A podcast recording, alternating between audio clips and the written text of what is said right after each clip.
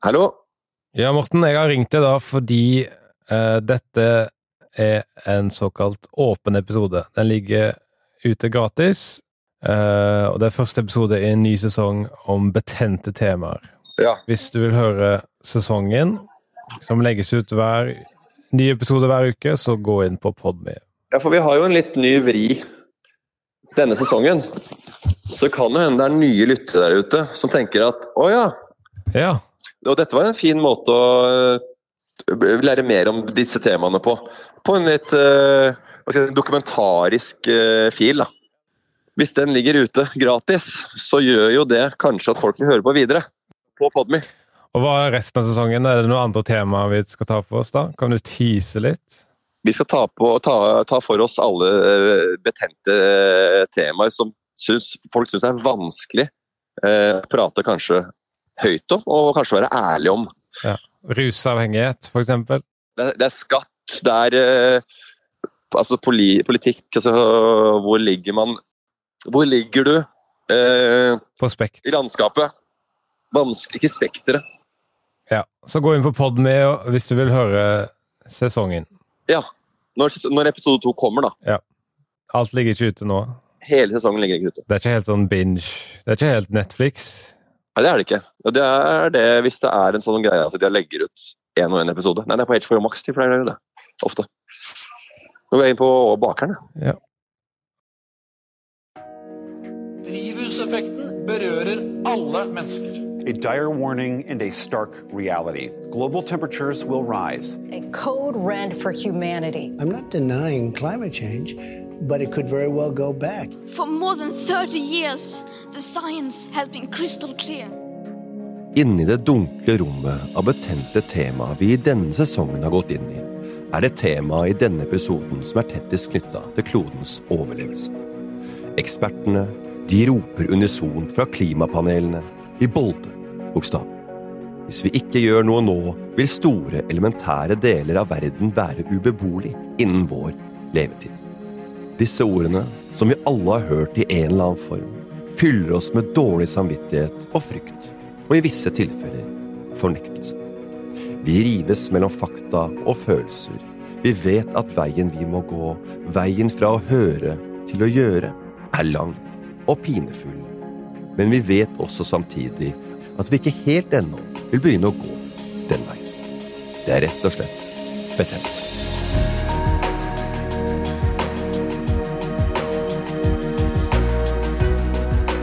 Dette er Må på behandling med Morten Ramm og Vegard Tryggeseid.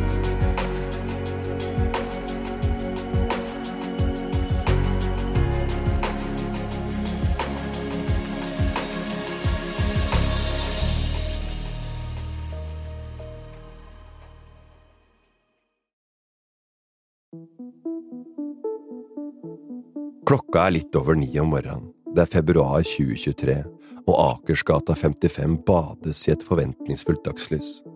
På denne tida av året går sola ned tidlig, så det gjelder å ta vare på dagen.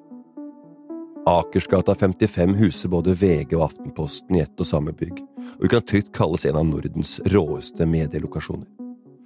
Og det er til denne adressa Eivind Tredal nå ankommer, hutrende i vinterkulda, som vår gjest.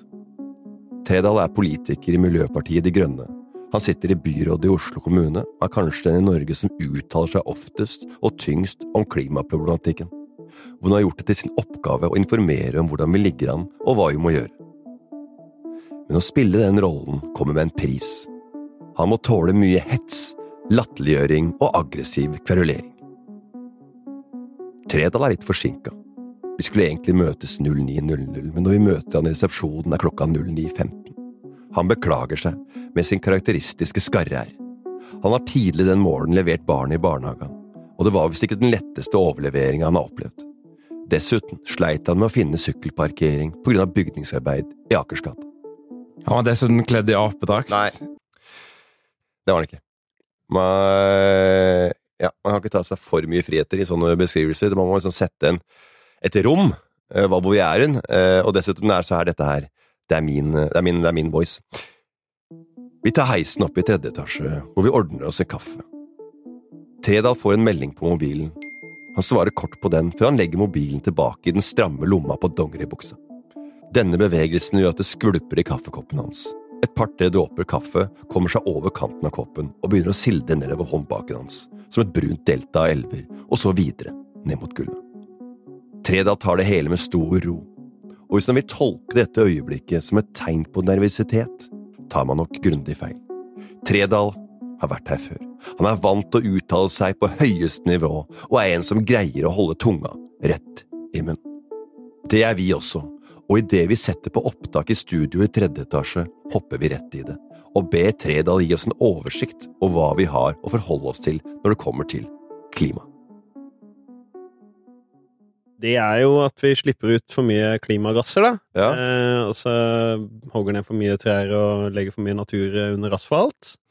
Og slipper ut for mye metankuer som promper og sånn. Og Yes. i sum så gjør det at eh, kloden blir varmere. Ja. Ganske mye varmere. Over så da får du mer ekstremvær. Over tid, ja. Over tid. Havet stiger. Fordi det blir varmere, og fordi det smelter is. Og så får alle det ganske mye verre sånn gradvis, da. Det er liksom overskriften. Hva er det verste Det er mange verstinger. Man sier klimaverstingene. er altså, Mm. Og så er det noen som er morsomme. Ja, kua promper og ha-ha-ha. Hvor ille er det egentlig? Det er, det er ganske, ganske krise. Er det det? Ja, det er det. Her må jeg innrømme at jeg ble tatt litt på senga. Man har jo hørt dette om metangass fra kuer før, men jeg har aldri tatt det helt på alvor. Man lærer så lenge man lever, og som programleder er det viktig at man legger stoltheten til side og er villig til å lære noe nytt. For å sette det hele i perspektiv ba jeg Tredal vurdere denne metangassen fra kuer opp mot det mange vil trekke frem som klimaverstingen, nemlig flyreiser. Ja, øh, begge deler er ganske på verstinglista. Som spiser kukjøtt er veldig skadelig for både natur og klima, for da må du kanskje hogge ned en regnskog for å lage den brasilbiffen der nede ved Amazonas, da. Men flyreiser er ganske på ekstremsida. Altså én tur til Det er vel noen tall som kom for et par år siden, som var liksom én tur til Thailand tilsvarer sånn 2,5-2,2, var det vel tonn CO2 Ja, som er tilsvarende et år med kjøring i en bensinbil. da. Eh, Å ja, okay. eller typ eh, en innbygger i Norge, vanlig innbygger i Norge har et utslipp på ca. 10 tonn i året CO2. Men da én tur til Thailand blir fort da 2,2 tonn per pers. Da kan En tur til Thailand for én person er som en ett år med bilkjøring. ja, ish. Så det er ganske ille eh, å fly, egentlig, sånn for den enkelte som på individnivå. Det er jo fordi det krever veldig mye energi å komme opp i lufta og ned igjen, og fordi man må bruke bensin, da. Flybensin. Og i tillegg at eh, det er eh, opp i lufta, sånn at de kondensstripene og CO2-en som slippes ut Ja. der oppe, det gir mer oppvarmingseffekt, da. Ja. Særlig vanndampen, enn det, enn det du får ned på bakken. Så det er liksom mange multiplikatorer som gjør at eh, flyreiser er skikkelig, skikkelig eh, galt. Hver gang det er snakk om flyreiser og hvor ille det er, er det ofte jeg tenker på noe Dalai Lama en gang sa. Man bør reise et nytt sted hvert år. Jeg nevnte dette sitatet for Tredal, for det går jo rett imot det klimaaktivister sier vi bør gjøre, og jeg var interessert i å høre hva han mente om det. Ja, ja. Jeg tror det er liksom grunnen til at folk syns det er ubehagelig å snakke om klimaeffekten av flyreiser. Hvorfor det liksom ikke er noe gøy å prate om. Fordi det er akkurat liksom vi som er eh, opptatt av å utforske verden. Og, altså Typisk sånn kombo føler jeg på en måte er kjøttfri mandag, og så etter å ha vært på helgetur eh, til Paris med fly. på en måte. Eh, men det hjelper ikke så veldig mye, selv om det er jo fint å ha den kjøttfrie mandagen òg, da. Ja. Men i sum så vil jo det gå i minus. Så jeg tror liksom den samme middel, øvre middelklassen som er ganske miljøengasjerte sånn på papiret, er kanskje de som også elsker mest å fly, da. Og syns kanskje de har eh, tatt eh, master i Latin-Amerika-studier og vært 100 ganger til Lima, liksom. Ja. Og det går nok dessverre ganske minus for kloden. Men du har rett, da. Ja. At, eh, sånn, det er jo ikke optimalt om alle bare holder seg i, høne, i ro, i Hønefoss hele livet, liksom. Da Tredal nevnte Hønefoss, gikk mine tanker umiddelbart Ta til Vent litt, altså eh, når du, faen, Hva sa du det? Jeg Praten fløyt videre, og jeg spurte Tredal om hvordan nordmenn gjør det på flystatistikken. Nordmenn er Det var en artikkel ute i avisa NRK senest i går om at nordmenns flyvaner er ganske sånn eksepsjonelle. At en gjennomsnittlig nordmann flyr, eh, slipper ut dobbelt så mye klimagassutslipp per innbygger som en gjennomsnittlig tysker eller svenske Ja. på, bare på fly. Vi har noe å gå på er det pe Ja? Så vi er, vi er ganske stemme. Det er å gå på der, ja. Det skal jeg love deg. Men er det pendlere eller ferie...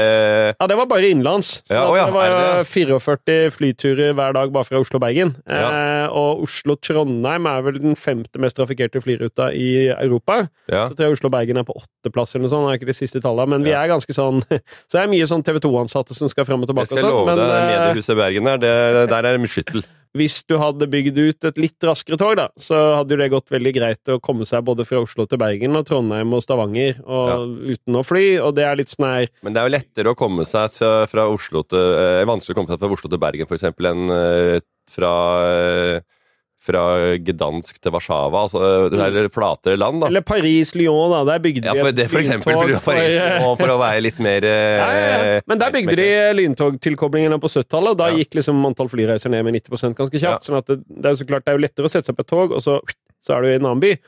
På dette tidspunktet kom faktisk Vegard inn med et veldig bra spørsmål. Ja, og det viste seg å være veldig sånn forløsende for samtalen, da.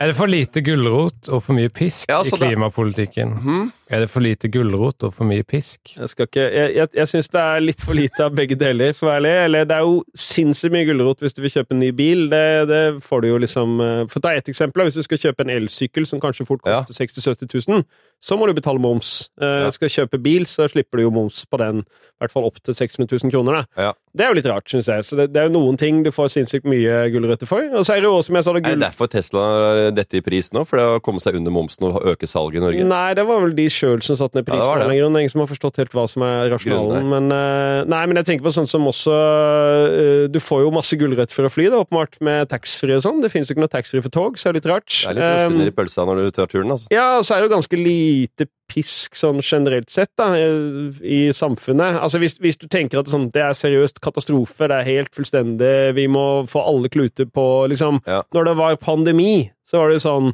Hold deg hjemme, ikke har noen venner på besøk. Eh, Skolen er stengt i dag, ikke sant? Men da Mens, eh, og det er jo ikke sånn noen vil gjøre med klima, men med, hvis du skulle bekjempa korona på samme måte som vi har bekjempa klima, så hadde det vært sånn ja, vi eh, skal sette opp prisen på flyreiser med 15 kroner, og da håper vi at det gjør at smitten stopper, liksom. Vi bruker jo alt som ligger eh, til rette for oss. Ja, ja. Om det er fly eller om det ligger Ja, kjøtt. Og så st- stopp å spise kjøtt. Mm. Det ligger eh, rekke på rekke på Rema, og Joker og Kiwi og Meny og Jacobs og hele pakka. Så det er jo ikke, det er jo ikke vi som altså, Når det ligger der, så er man jo eh, Så vil det jo bli kjøpt. Ja, Det ja. skal jo kjøpes. Det er jo, det som er, det er jo hele systemet. Det er systemet, men så er det Det er der det er en sånn vanskelig kobling som jeg tror de fleste Hvis man skal ta liksom den Jeg syns det er sånn øh, En form for selvrettferdighet som ofte fins på venstresida òg, er sånn Ja, men jeg lever i dette systemet, jeg kan ikke gjøre noe med det. det er, vi må endre strukturene. Det er 100 selskaper som står for 70% av verdens utslipp.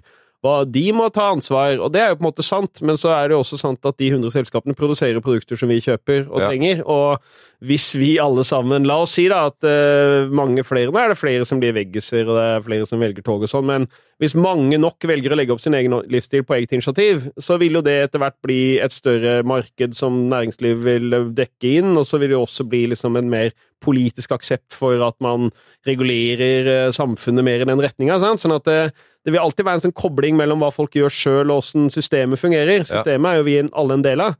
Og det er litt sånn eh, Sikkert det som gjør det her litt komplisert for folk, er liksom at man ønsker kanskje litt inni seg at noen bare kommer inn sånn som under koronaen og sier nei, nå er det ikke noe mer eh, Ja. flyreise. En, en i året maks. Det det, det er mye enklere å forholde seg til. Ja, det er sånn, det. sånn som vi er vanlige eh, folk som er, som er oppdratt, syns det er deilig å bare si 'gjør dette og gjør dette'. Ja, funker med unger. Men det er jo det er diskusjonen om skam og alt det der, som også er litt sånn interessant, fordi da er folk ja, skal jeg føle meg dårlig fordi jeg flyr? Og så får jeg lyst til å si liksom Ja, altså, jeg føler meg jo dårlig hvis jeg forurenser, så jeg skal ikke liksom diktere hva du skal føle, men jeg opplever jo at det det å ha en eller annen emosjonell respons på noe som jeg veit har en skadelig effekt Ja. på omverdenen, det er liksom ikke irrasjonelt, eller Det er jo helt normal eh, måte å, å tenke på.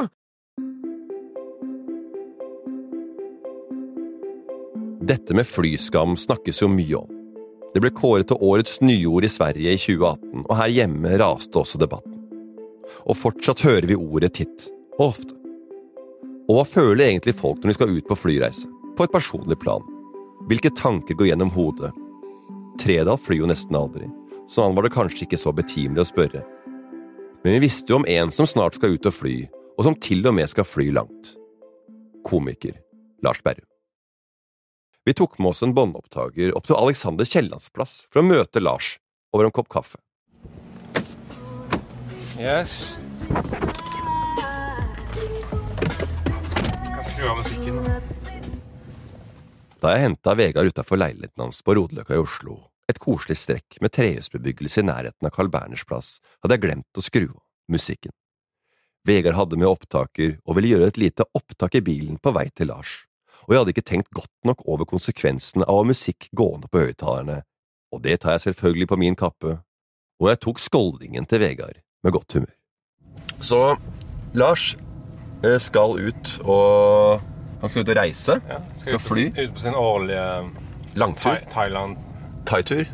Årlige thaitur. Han skal på sin årlige thaitur. Ja. Da, det innebærer jo selvfølgelig det å fly. Ja, og det vi har eh, lært det... Vi parkerer utenfor utestedet og restauranten Colonel Mustard på Alexander Kiellands plass, et vidposekast unna Grünerløkka, hvor vi har avtalt å møte Lars. Lars bor på Alexander Kiellands plass, eller AKP, som lokalbefolkningen kan finne på å kalle det. Han er ofte innom Colonel Mustard, som er oppkalt etter en figur i brettspillet Cluedo, for å ta seg et glass øl eller en kopp kaffe. Og det var nettopp en kopp kaffe Lars hadde foran seg breddfullt til kanten og rykende fersk, da vi tråkka oss ut av snøen og inn i det varme lokalet. Lars hadde tre fulle kaffekopper foran seg på bordet, og nettsiden til kondomeriet var åpen på nettleseren på mobilen.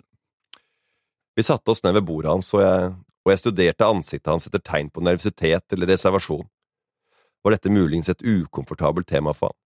Men nei, Lars virka å være i godt humør, og vi begynte intervjuet med å prate litt løst og fast om om Thailand som både land og, og kultur. Det er billig der nede, altså.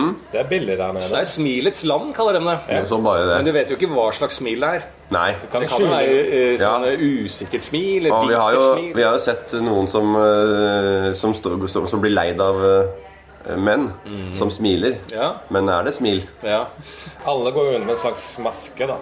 Ja. Det kan vi si. Og det er spesielt sant i Thailand. Men vi følte jo at vi gikk litt rundt grøten. Det vi skulle snakke om, var måten han skulle komme seg til Thailand på. Det store spørsmålet var føler han på flyskam. Eh, jeg føler jo litt eh, Altså, den har greid å treffe meg, den, eh, den eh, medietsunamien. Ja. Altså den konspiratoriske mainstream media-versjonen av klimakrisen har truffet meg. Jeg har litt flyskam, egentlig. Men jeg har flydd så lite opp igjennom. Jeg er jo ikke noen flyer. Nei. Eh, så den treffer meg ikke så hardt eh, som den kunne. Nei. Du, når, du, når du skal dra, så det er ikke sånn at du gjemmer deg bort og gjør det i skjul. Nei, nei, Nei. nei. Jeg, jeg, og så har jeg jo hatt Nå har jeg jo blitt en fyr som folk ser på som alltid drar langveis bort. Ja, og så bare- en gang i året. Og så har du bare gjort det én gang. Ja, en gang tidligere! Bali var den første gang jeg Ja. var i nedover. Ja. Eh, Og nå skal jeg til Thailand, som jeg aldri har vært før. Jeg har ikke vært i Thailand noen gang. Jeg skal på en lysløypetur nedi der. Vi valgte å ignorere det der driten om lysløypa. Vi var ikke interessert i noen lysløpegreier, og vi fulgte ikke opp det sporet, rett og slett. Men gjør du andre tiltak som for å liksom eh, Nei, men jeg har demme opp for eh, det du slipper ut når du sitter oppe i flyplanet? nei, jeg gjør ikke det. Men jeg, altså, jeg kan begynne å si sånn Å, men jeg har, jeg har ikke bil. Jeg bruker Nei. sånn uh, Bruker mest uh, til beina kildesortering. Jeg gjør alt Ja. annet, og jeg har flydd lite, som jeg Ja. sier sånn. Men eh, Så jeg kan finne på mange unnskyldninger. Men jeg må jo bare stå i at eh, det jeg gjør, burde jeg egentlig ikke gjøre. Så hvis jeg skal være korrekt til det jeg mener at vi alle burde, Ja. så er det å drite i Thailand. Ja. Og ta en måned fri eh, her i For det er jo frien jeg er ute etter. En måned Ja. eh, komme meg vekk. Så det kunne vært eh, ved hjelp av andre transportmidler som er mye mer miljøvennlige. Hvordan ser du på andre som eh, benytter seg regelmessig av eh, fly som transportmiddel? Jeg, eh, jeg har ikke noe særlig å, å si på det, altså. Ja. Det er ikke alltid man har like mye å si på alle ting. Det står en vannkaraffel på bordet, og Lars forsyner seg grovt av den. Han nærmest ja, vold, han nærmest voldtar den. Og glassene på Curl Mustard de er sånne veldig lave og brede glass, så man må ofte fylle på de glassene, og Lars gjorde det veldig mye. Han drakk vanlig mengde vann, vil jeg, vil jeg si. Vi prøvde å bytte litt innfallsvinkel og spurte om hva han syntes om togsituasjonen i Norge. En fugl har hvisket meg i øret via noe den, den fuglen fant i media. At eh, Ukraina har mer eh, pålitelige togavganger eh, akkurat nå enn Norge. Så den er grei. Den er veldig Ja, grei. den er bare å- Den er grei Den er bare å legge ut på en eller annen desk fort Jeg, som faen. eh, har den, er, også- jeg- den er jeg keen på å klikke inn på, for å si det sånn. Jeg har også en sosiale medieplattform som heter Instagram, Ja. eh, som jeg liker å jobbe på. Eh, kan hende du ser noe der. Ja. Ikke vet jeg. Og kanskje noen som snapper opp. Ja, jeg svarer. Ja. Da blir Dagsnytt 18 med Martin Meyer-Olsen. Det stemmer jo selvfølgelig ikke. Nei, Men- ikke. På dette punktet begynte jeg å bli jævlig lei. Nok unnvikenhet nå, Lars, tenkte jeg, mens han nok en gang la hånda rundt den vannkaraffelen. Jeg har så klart møtt folk som er helt sprø når det kommer til vann, men dette er ja, dette var Jeg slang inn et spørsmål på dette tidspunktet for å prøve å komme fram til en slags kjerne i saken. Er du redd for global oppvarming? Er du redd for framtida, Lars? Jeg kan få, sånne, der, få sånne øyeblikk der eh, Hei, um, jeg spurte ti ganger til, og så hørte hun det ikke? Eller lot som hun ikke hørte det? Ah, hjemme? Hva? Jeg har spurt Ea ti ganger nå om hun hentet doper, så, sier, så bare svarer hun ikke. Det må hun gjøre. Eh, Og så sier jeg eh, ja, hent doper nå, jeg mener det. Og så sier hun bare sånn Nå må du si vær så snill, så er jeg vær så snill. Og så sa og så sa hun sånn Du mener det ikke. Nei. Jeg skal si ifra til deg. Jeg skal ringe han nå. Ja, ok, ha det. Men eh, hva tenker du om å fly, Astrid? Sånn med tenke på eh, utslipp. Hva mener du? Hva, hva tenker du om liksom. Fly det slipper jo ut mye CO2 blant annet, og det kan jo ødelegge planeten. Hva tenker du om det? Ikke bra. Ja. Som dere hører, så fikk jeg på dette tidspunktet en telefon fra min yngste datter. Det var noe med en konflikt med storesøsteren hennes som var litt vanskelig å følge med på. Men jeg har alltid tid til barna mine, selv mitt, i et intervju. Jeg får, får, får ikke dere noen ganger sånn eh, følelse Jeg, jeg får sånne glips, på en måte. Der jeg Og i helvete! Når det kommer en sånn FN-rapport og sånn. At det er så Altså, det går så til helvete. Også med den derre Når en eller annen uh, Jonah Hill sier uh, Som er veldig uh, Som har vært eh, utenriksminister og Russland-ekspert i USA i flere, flere perioder, John A. Hill, sier da at tredje verdenskrig allerede er i gang. Da skvetter jeg jo litt, og så begynner jeg å, å tenke å ja, vi skal nedover den stien. Ja. Og så tenker jeg på atom. Og så må man liksom eh, presse seg ut av det. Og så Ja. må man tenke at eh, det jeg får gjort noe med, er det jeg gjør her. Og så må jo det være en slags eh, eh, evig skam eh, for at vi er mennesker. Og da går vi litt inn på kirkeår ikke sant? Og, og det kristne. ikke sant? Vi er jo født med skam og synd. Ja. Det er jo det vi er og, og tilhører, og det må vi bare godta som en sånn grunnmur. Ja, Lars er nå i en slags kirkegårdperiode.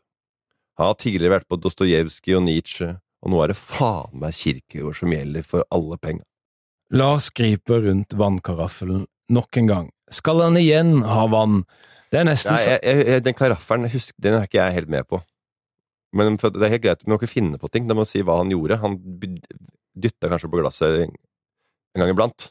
Og så må vi faen meg prøve å gjøre det beste ut av å leve i det. Ja. Så da må jeg ta denne flyturen jeg skal ha nå.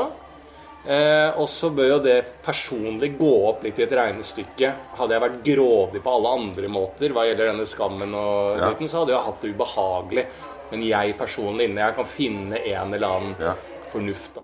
Vi følte at samtalen hadde nådd et slags metningspunkt. Det var dette det ble. Vi sa oss fornøyd og ba han si noen oppsummerende ord. Vi måtte alle videre med dagen uansett. Eh, Jeg vil jo på en måte eh, si at jeg nødig bør om tillatelse fra folket. da. Eh, om en aksept. eh, og ta gjerne kontakt for å få litt informasjon på hvordan jeg tenker på hva jeg styrer med i hverdagen, som er innenfor husets fire vegger, som faktisk legitimerer at jeg får lov til å fly. Eh, Så ikke døm meg bare på overflaten. Vær så snill. Nei, nei. Ta heller kontakt før du eh, eh, setter en dom over hodet mitt. Og det yeah. syns jeg generelt samfunnet bør bli litt bedre på. Hvis, På hvis folk sender meg melding privat nå, så har jeg ikke mer enn det som ble sagt. Så det er ikke vits å ta kontakt privat. Dette var det jeg hadde å si. du har ikke mer Ja. verken argument for eller mot. Want flexibility? Take yoga. Want flexibility with your health insurance? Check out United Healthcare Insurance Plans. Underwritten by Golden Rule Insurance Company, they offer flexible, budget friendly medical, dental, and vision coverage that may be right for you. More at uh1.com. Life is made up of many gorgeous moments. Cherish them all, big and small, with Blue Nile. Whether it's for yourself or a loved one, Blue Nile's unrivaled selection of expertly crafted fine jewelry and statement pieces help make all your moments sparkle. Blue Nile's experts are on hand to guide you, and their diamond guarantee ensures you get the highest quality at the best price. Celebrate a life well lived in the most radiant way and save up to 30% at BlueNile.com. That's BlueNile.com.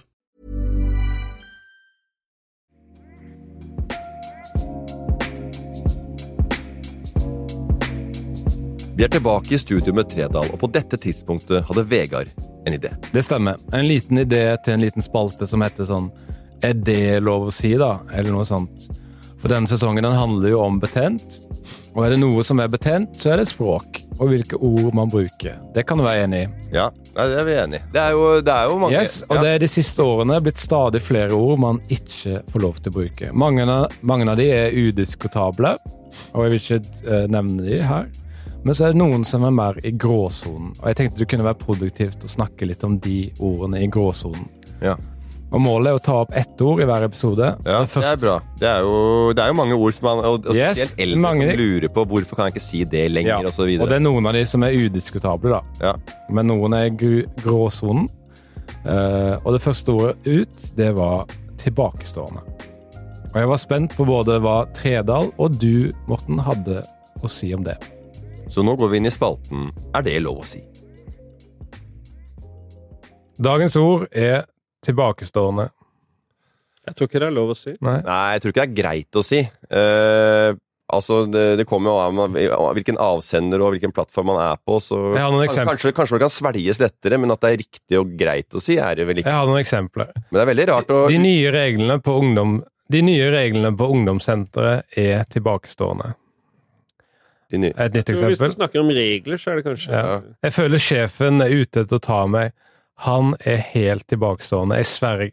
Jeg sverger. Han er helt tilbakestående. Jeg tenker at Hvis du snakker om sjefen din, så er det et sånn maktelement som gjør at du sparker oppover, så er det litt mer greit enn Ja. hvis det hadde vært en sjef som sa 'min ansatt er tilbakestående'. Det er mange som tenker uh, Jeg har jo sagt det ordet hele livet. Hvorfor skal jeg slutte med det nå? Det er sant. Jeg var, jeg var på en sånn sivilforsvarsøvelse. Da skulle vi eh, bore hull i isen for å få tak i vann til en brannpumpe. Det Ja. var en øvelse. Og da var det mange forskjellige folk fra mange forskjellige deler av landet, inkludert en eh, billakkerer fra Finnmark som jeg jobba sammen med. Ja. Og da sa jeg vi kan bore der borte ved den rampa for folk med nedsatt funksjonsevne. Ja. Og da begynte hun å le, og så måtte jeg forklare at man kan ikke si handikap, tror jeg. Eller jeg, jeg måtte redegjøre for at liksom, jeg tror den nyeste ord, oppdaterte ordbruken er det. Ja. Men det syns jeg hun var helt latterlig, da. Eh, men jeg, ja, som Men så man må, man må, nå må man holde seg oppdatert, og kommer også en viss alder. Det er slitsomt. Det er, Å lære nei, det er ikke slitsomt, men, men du må gå an og Man må, man må tråkke over, eh, tråkke over eh, streken for å vite hvor grensa går. Kanskje. Men jeg har, jeg har inntrykk av at akkurat når det kommer til sånn eh, ordbruk rundt folk med nedsatt funksjonsevne, Ja. som for eksempel eh, til dels tilbakestående har blitt brukt, der er det liksom Der skjer det mye. Der, er det, der skal man følge passe godt på. Ja, for der er jo Du er, du er retta, retard. Ja, det er ikke lov å si. Nei, det er ikke lov å si, ikke sant? Så tilbakestående, er det noe bedre? Det er vel på, det med, Jeg på tror det er den norske R-ordet. Ja. Hva med dette? Nytt eksempel. Han kiden der i den rullestolen, han er jo helt tilbakestående. Nei, Det tror jeg ikke er lov å si. CP-skalle, er det lov å si? Rullestolmisbruker. Eh, det Ja, det er jo en misbruk, rullestolmisbruker. Det er jo eh, altså hvis du sier for eksempel Det er noen som kaller altså, noe sånn, eh, at det er rusbruker og mis, rusmisbruker. En rullestolmisbruker er for eksempel Ja, eller en han, som hun ikke- som ville, hun ville sitte i rullestol fordi hun Eller fordi han eller hun eh, var, eh, ja. ønsket Hva skjedde der? en liksom? slags eh, Hadde for seg Hva at du skulle sitte sitte i den stolen. Hva skjedde der? Kanskje det er en rullestolmisbruker å, å bruke rullestol på en måte som skal få folk til å le uten at du sitter i det sjøl. Narkis, da, er det lov å si? Absolutt ikke. Narkotrine. Nei. Menneske med rusavhengighet, Ja. i aktiv rus. Ja. Ja. Yes, jeg fikk mye Ja, jeg fikk mye ut av det, i hvert fall. Ja, det var bra. Spalten til, spal, eh, spalten til Vegard var ferdig, og vi kom oss inn på hovedtemaet igjen. Og jeg var interessert i hva Tredal og kona, som også er et profilert såkalt miljøtryne, snakker om på hjemmebane. Eh, Du er jo sammen med da Lan Marie Ja. Berg. Hun har hatt høye verv i eh, MD, nå, ja. MDG.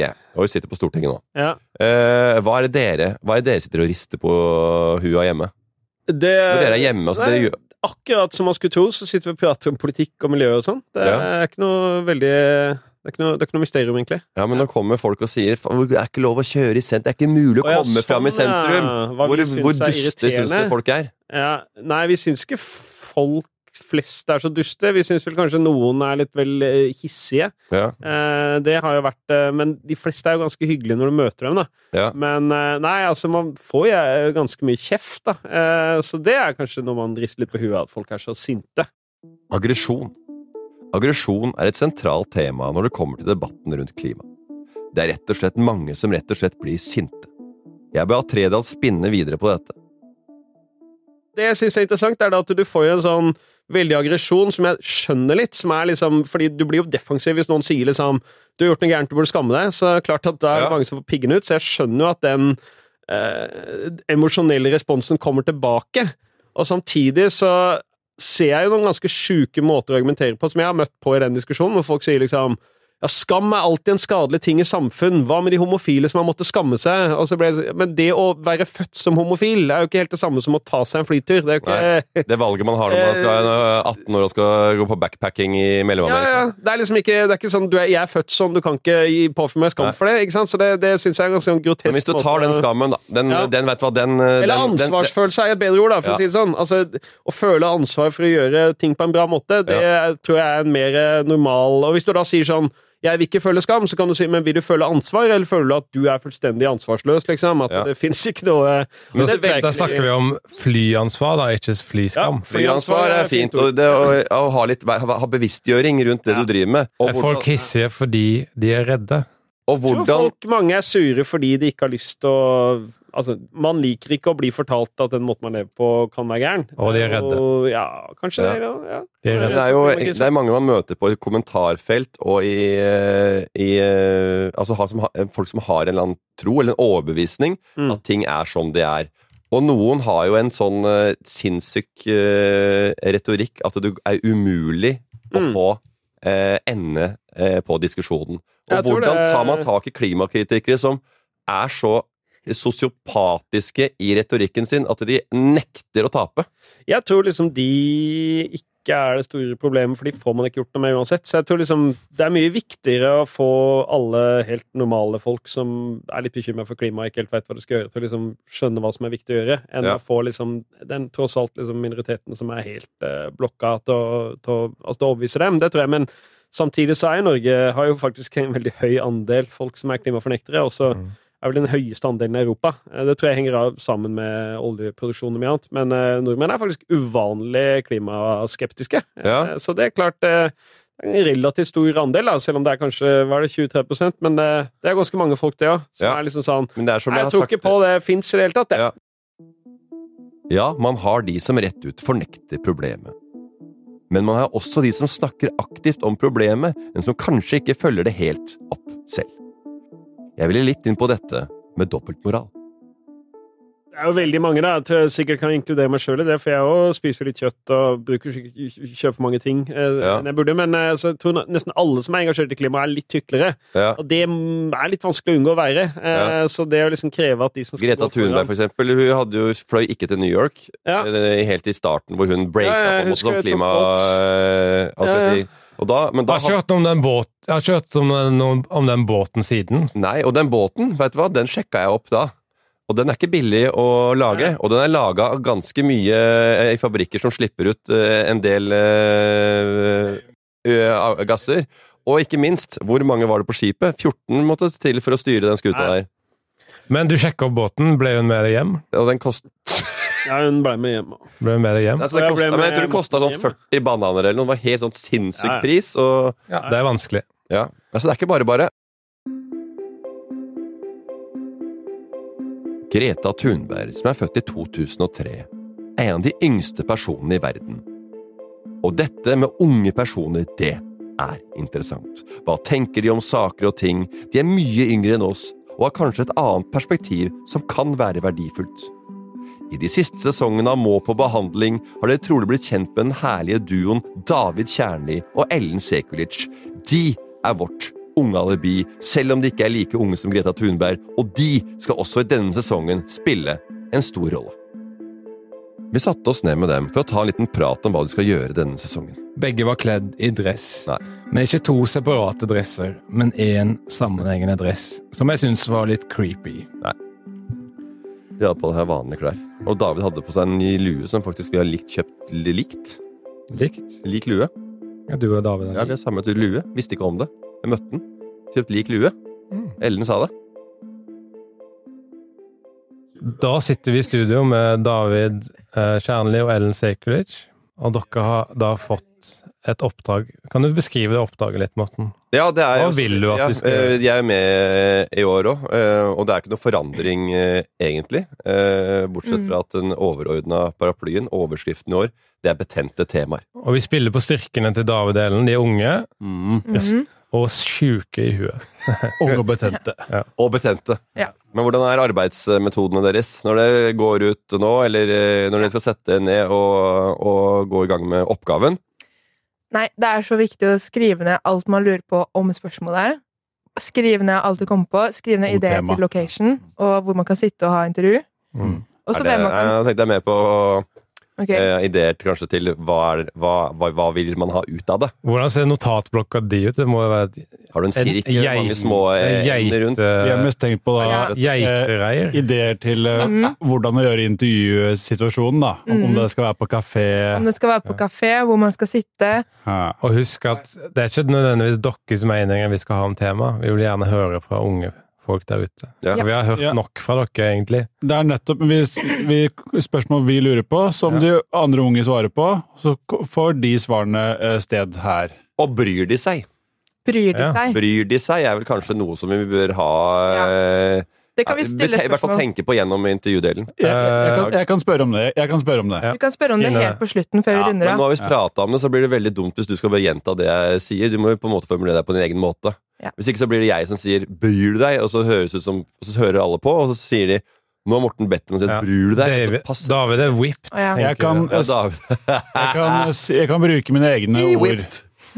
Jeg kan si 'bryr du deg' på egne, egne Ja, bryr deg på Ja. egne vis. Ja, eller kan på, på din egen måte. Med egne Egen ord, måte, ja. Og- Egne ord, ja. Ikke en idé nå. Man kan spørre om det med sånn skjult mikrofon etter vi går fra kafeen.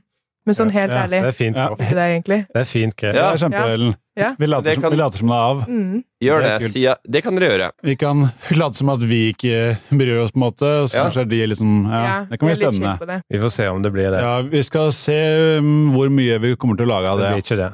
Ja, det, ja, det blir iallfall et, et spørsmål på slutten som blir sånn skjult kamera. Bryr du deg egentlig? Men eh, vi, vi, vi får se, da. Og dere skal ut, eh, dere skal ut og intervjue unge folk, og dere lover at det ikke er en oldis inni der. Du kan fortelle om det. Null, null pansjoer i spalten. Blir det Skal prøve å få at Ja. det bare er unge. Ja. Da blir det spennende å se hvordan det går med dere denne Det er fett. sesongen. Veldig hyggelig å være tilbake. David og jeg tok turen til Universitetet på Blindern for å høre hva studentene mener om klima. Men på vei inn til universitetet ble vi stoppet av noen som ga oss poser med forskjellig godteri, tacokrydder, kuponger osv. Den heter Studentbanken. Selv om vi ikke var studenter, tok vi dem imot. Det gikk helt fint. Vi fordelte oppgavene mellom oss, og jeg gikk for å finne noen studenter å intervjue. Mens David er og intervjuer folk, sitter jeg og passer på tingene våre.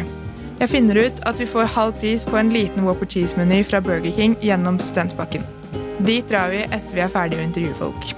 Jeg hadde funnet en perfekt student å intervjue, men først måtte vi bli enige om hvilket språk vi tok det på. Skal vi ta den på engelsk eller på norsk? Vi kan, vi kan ta den på engelsk. Ok, Skal ja, det? ja. I'm from a, pod a podcast called uh, og behandling, and we are wondering, uh, do you do anything to um, um...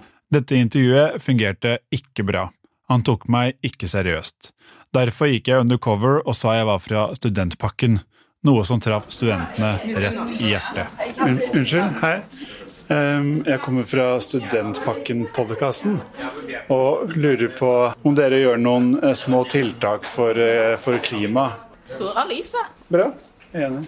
Har dere fått Studentpakken-pose i dag? Yes. Bra. Vi står på utsida og deler ut. Alle svarene vi får, er utydelige. Og David sa etter intervjuet at han merket de egentlig ikke ville snakke med han gjennom at de så, hverandre, de så på hverandre og lo under hele intervjuet. Det er også vanskelig å få blikkontakt med studentene når vi går rundt og skal spørre dem, for de sitter og leser. Men en vi får blikkontakt med, er bibliotekar Mikael Amundsen. Eh, Jeg heter eh, Mikael Amundsen. Vi gikk bort og spurte om vi kunne intervjue ham. Det kunne vi. Jeg, jeg jobber i biblioteket, i realfagsbiblioteket. I skranken, da. Mm, er det 100, 100 fast? Nei, det er 20% fast. Det er fortsatt fast, da. Ja, det er det. Nok smalltalk. Vi spurte Mikael hva han gjør av klimavennlige ting. Jeg, jeg er jo med på sånn Earth Hour, hvor alle blinker med lyset samtidig rundt hele jorda. Eh, så det gjør jo noe, da. Ideelt sett da, så blinker du bare med lyset hele tiden. Sånn at det på en måte du reduserer 50% lysbruk. Men i praksis så blir det vanskelig, for hvis du gjør det mer enn en time av gangen, så blir du litt kvalm. Så derfor holder det at man gjør det én gang i året. Mikael hadde sett at vi hadde hver vår pose fra studentpakken, men hadde på en måte ikke turt å spørre om dem. Men så Er det goodiebag? Jeg, jeg er veldig spent på å se hva som er oppi. Og før vi visste ordet av det, begynte han å ta alt som var oppi posen, ut fra posen. Oppi her så finner vi taco, tacokrydder. Og så er det um, kjønn, kjønnsåpe. Uh, oi! Mer Dette er mer sånn vaginalsåpe, det her kanskje. Ja. Eller altså Begge to er jo vaginalsåper. den hjemme. Ja. Men eh, den ene er liksom svart, og den andre er litt sånn derre kremet eh, Du ser liksom designet. Jeg tror den mørke er for menn, ja, og den litt mer rose er, eh, er vaginal. Det var alt vi rakk av Mikael eh, før han måtte komme seg tilbake til eh, skranken. Ellen og jeg vi var veldig fornøyde, og på trikken på vei hjem møtte vi en veldig hyggelig mann som eh, eh, ville gi meg en billett. Vær så god, du kan bruke som billett i en time. Kjempebra. Det var alt for oss denne gangen. Tilbake til dere, Morten. Helt sikkert et fantastisk innslag fra David og Ellen. Det var ikke ferdigprodusert da vi spilte inn denne voicen, så jeg veit ikke helt hva de prata om. Men noe som var ferdigprodusert, det var din spørsmålsspalte, Vegard Tryggeseid. Og hva heter den i denne sesongen? Ja, jeg har en spørsmålsspalte i hver sesong. En basic Q&A. Og den har i hver sesong et nytt navn. Og i år tenker jeg at den skal hete Meet the Questions, som er ordspill på filmen Meet the Parents med Robert De Niro og Ben Stiller. Hva syns du om det? det ja, jo, det var fint. Fint ordspill. Ja, bare sett i gang. Eh, Første spørsmål. Hva er egentlig lov å gjøre lenger? Er det sånn Er det er det ikke lov å kose seg lenger? Nei, det var ikke, men du, Det har vært du, må, du må jo eh, Kjøpe Xbox, er det lov? Nei, altså, jeg har jo kjøpt PlayStation, Ja, men eh, Eh, ja, X-fakta? Litt, sånn klimamessig. Litt vond mm, følelse i magen av det. Ja. Hva, hva sånn? ja, har du det? ja, for det er elektronikk generelt eh, som er veldig ressurskrevende. Men nei, ja, det, det, får være greit, tenker jeg. For at, må huske på at konsoller de varer jo veldig lenge. De, du kan jo ha dem i ti år. Så stadig får du kjøpt spill. Eh, Sekstur til Jönköping, er det lov? Hva? Sekstur? 60 til Jönköping. Det, er, uh, altså det kommer an på både om det er uh, altså Hva er klimaavtrykket for en 60 til Jönköping? det kommer an på reisemåte. altså må det jo være Det spørs veldig på hva slags type uh, altså sex ja. man er på jakt etter, tenker jeg. Du kan jo, du kan jo kjøpe litt noen klimapakker, og så får du kjøre noe Tenker du med partner, eller at man skal oppsøke noen der? Ut, noen? ja, som sextreff i Jönköping eller noe sånt. I altså, Sverige. Altså swingers, eller hva du snakker om? Neste spørsmål er dilemma. Hver gang du gjesper, så kommer det litt Ja, det er to uh, Jeg hører vet to forskjellige scenarioer. Yes. Hver gang du gjesper, så kommer det litt spy ut, Mm. uh, som du må legge til side eller kaste. Eh, det er opp til deg hva du gjør med det. Eller Kan man ikke svelge? Det er opp til deg. Ja, ja. Eller hver gang du skal ha lønn, få betalt i gavekort på Kremmerhuset i stedet for penger. Hva velger du? Da prøver jeg å tenke hvor mye jeg gjesper. Jeg trodde jeg var lei av dilemmaer, men det, jeg var tydeligvis ikke det. altså. Den var ganske Ja. Den var Den var fiffig. stygg og fin, den. Hvor ofte er det hva, var- Hvor ofte var Hvor den ofte man gjesper, for at jeg, jeg tror at hver gang man gjesper Ja. jeg, jeg tenker at det ville vært et enormt insentiv til å legge meg i tide, sove Ja. godt, for å unngå å gjespe i Det kunne vært skjerpende. Ja, ja at, at ringvirkningene av å prøve desperat å unngå å gjespe i hverdagen ville vært kjempepositive for meg. Og hvis jeg kunne Men hvis jeg, jeg kan svelge det, så hadde jeg jo funnet teknikker for å Ja. skjule det. Men det er skjerpende med gavekort på Kremmerhuset, for du får ikke flytur med det. Ja, Det er også sant, det ville vært veldig, men det ville avgrensa veldig hva slags forbruk jeg ville hatt. Men jeg ser også for meg, fordi at jeg er barn, så ville jeg i hvert fall i en viss periode til kunne unnskylde spylukta ganske ofte. Ja. Uh, Ja, en viss alder. Ja. I ti, eh, åtte år. Da. Så Jeg er litt i skjæringspunktet når hun er tre og et halvt, så jeg begynner allerede å bli Ja, litt nei, hun gulper fortsatt, hun ekle unge- ungen min. Den Ja. ekle, ekle nasty dattera mi, hun gulper hele tida. Har de mat på Kremmerhuset? Mm. Vegard lever på Kremmerhuset i ett år. Det er en god VGTV-serie. Det er litt Har de sånn mat der? Super size Ja. me, at du gjør noe som, Ja. som åpenbart er dumt, og så prøver Ja. du å finne ut om det er dumt. Ja, Det er- De har Eller, eller har de all de har vi, kaffe, i har, hvert fall. vi har alt du trenger. De har kaffe, i hvert fall. Kan man spise kaffebønner? De har kaffe, faktisk. tror det det. Spise kaffebønner. Ja. Folk fermenterer jo kaffebønner gjennom dyr for å få en bedre aroma på bønnene. Mm. As we speak. Mm? Ja, det gjør det nå. De gjør det as Ja, de gjør det nå, ja. Og etter svar på Vegards spørsmål det naturlig å nærme seg avslutning av episoden. Og vi lurte rett og slett på hva som er den perfekte klimaborger.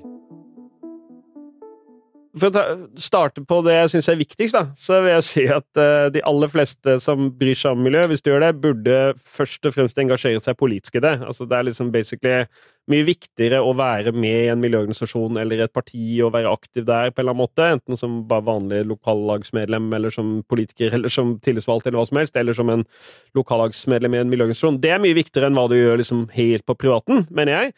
Så det er en perfekt eh, miljøengasjert person burde starte der, og så bør jo vedkommende ideelt sett da kutte ned på det som er aller verst for miljøet, så da bør du helst fly veldig sjelden. Eh, Du bør spise minst mulig kjøtt, eh, og så bør du da ideelt sett ikke kjøre fossilbil i hverdagen, men eh, ja, det aller mest miljøvennlige er jo da å ikke ha bil, sykle, gå, ta kollektiv. Eh, altså hvis du skal ha bil, da en elektrisk en. Det må du kanskje ha hvis du bor utafor byene, da. Det er mye å tenke på har to unger og en kabal, skal kjøre på håndball, Ja, ja, ja. fotball og dans og Og klær også. Og klær. Ja, ja, så er det forbruket, da. Du bør bruke Du bør ideelt sett da ikke kjøpe nye dingser så ofte. Du bør ikke kjøpe nye klær så ofte. Reparere de når de er ødelagt og sånn. Så, Kanskje du kan kjøpe sju ting, én hver dag. Altså, PlayStation så- 5. Ja. Og så vasker du en gang i uka. Jeg har PlayStation 5, så Ja. jeg, jeg går litt stille i dørene her. Altså. Kjøper det hver dag. skjønner, det, er, det er jo umulig. Også, men uh, det er jo, altså, vi er i Norge, vi, dette her, vi veit jo det. Vi er jo opplyst om det, og vi får høre om det ganske ofte. Og det er mange eh, forkjempere, eh, som deg sjøl, og, eh, og partiene begynner å bli eh, Altså ha mer fokus på det. Alle har fokus på det. Men det. er ganske treigt, altså. Husk Det er- at det, her starta vi med liksom i 1990. Da Ja. fikk Norge sitt første klimamål om at vi skulle stoppe utslippsveksten Ja, men hvis du kommer nedover, i, nedover, Ja. nedover, Hvis du kommer nedover, der har det ikke starta engang. Er Der brenner de søppel på stranda og suser. Men EU for eksempel, som helhet har kutta klimautslippene med 20% siden 1990. Norge sine er nesten helt flate. Ja. Altså, det er jo et, eh, det er et samtaleemne som aldri Som ikke tar slutt i dag. Det kommer ikke til å ta slutt i morgen, og det kommer til å vare ganske lenge. Hvor lenge varer eh, Hvor lenge varer den problematikken? Og, så, og, skal vi, og hvis den varer for evig, hvorfor gidder vi da å engasjere oss? Nei, den, det er liksom resten av våre liv. Ja. Det er veldig irriterende, egentlig. Fordi Ja. eh, jeg tror ingen av oss syns det er Altså, det, men det blir jo lettere jo mer du kommer inn i det. Altså, Hvis du tenker at en god del ting har vært liksom veldig vrient og vanskelig, og så blir det egentlig lettere etter hvert. At, Men liksom, vil ikke utviklinga også uh, finne Vi finner måter på å klare oss Vi kan Ja, ja. forsøple, men allikevel eh, overleve. Jeg tror vi finner måter å ha det ganske ålreit på uten å liksom ødelegge planeten. Men så tror jeg det kommer til å være en ganske stor overgangsfase hvor du må innskrenke en del ting. da. Og Ja. det er vel den vanskeligste diskusjonen. For, som, uten å gå for langt inn i det, sånn som alt av klimadiskusjon ender veldig opp, fort opp i at noen sier sånn Her må noen finne opp en teknologi som gjør at jeg slipper å føle noe ubehag med dette. Ja. Og så har det gått ganske mange tiår, og den teknologien er ikke helt der. At du liksom bare kan knipse, og så, så forsvinner liksom problemene uten at du trenger å omstille livet ditt i det hele tatt. Ja, altså det er ikke bare bare. Men Ha det. Nei, ikke helt av det. Eh, eh, hva Jeg hadde et, et, et, et avslutningsspørsmål som er ganske Ja. kort og greit. Hva, hva, hva var det jeg tenkte? Og bra. Og bra. Det var bra i stad. Eh, men jeg blir jo litt eh, Kom med det. Jeg blir jo interessert i å høre på, jeg òg, så jeg blir jo Mm. Kom med det. eh, Kom med spørsmålet! eh, Ja. Det er ikke alltid man sitter helt klar med det riktige spørsmålet, eller man kan ha det, og så forsvinner det idet du skal formulere det.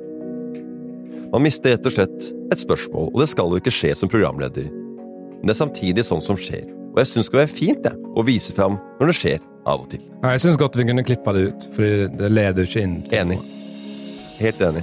Så, men vi har det med. Ja, ja, vi har det med, vi har, og vi har det med, men jeg bare, jeg også syns nå i ettertid kunne klippe det bort. Ja. Men det var sånn avslutningen var. Tusen takk for at du var med på vår klimareise. Vi fikk eh, svar på spørsmål, vi fikk utgreiing om hvordan vi kan bli bedre klimaborgere.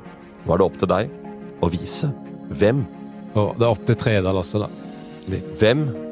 Og nå er det opp til deg å finne ut. Nå er det, opp, nå er det bare deg det står på. Og, tre, og, og Tredal. og Tredal. Uansett har vi fått mange fine svar på hvordan vi kan være bedre borgere når det kommer til klima. Og vi har også fått vite hva som skjer med kloden, hva vi kan gjøre bedre, og hvordan vi kan oppføre oss videre i et samvær og i symbiose med moder Gaia.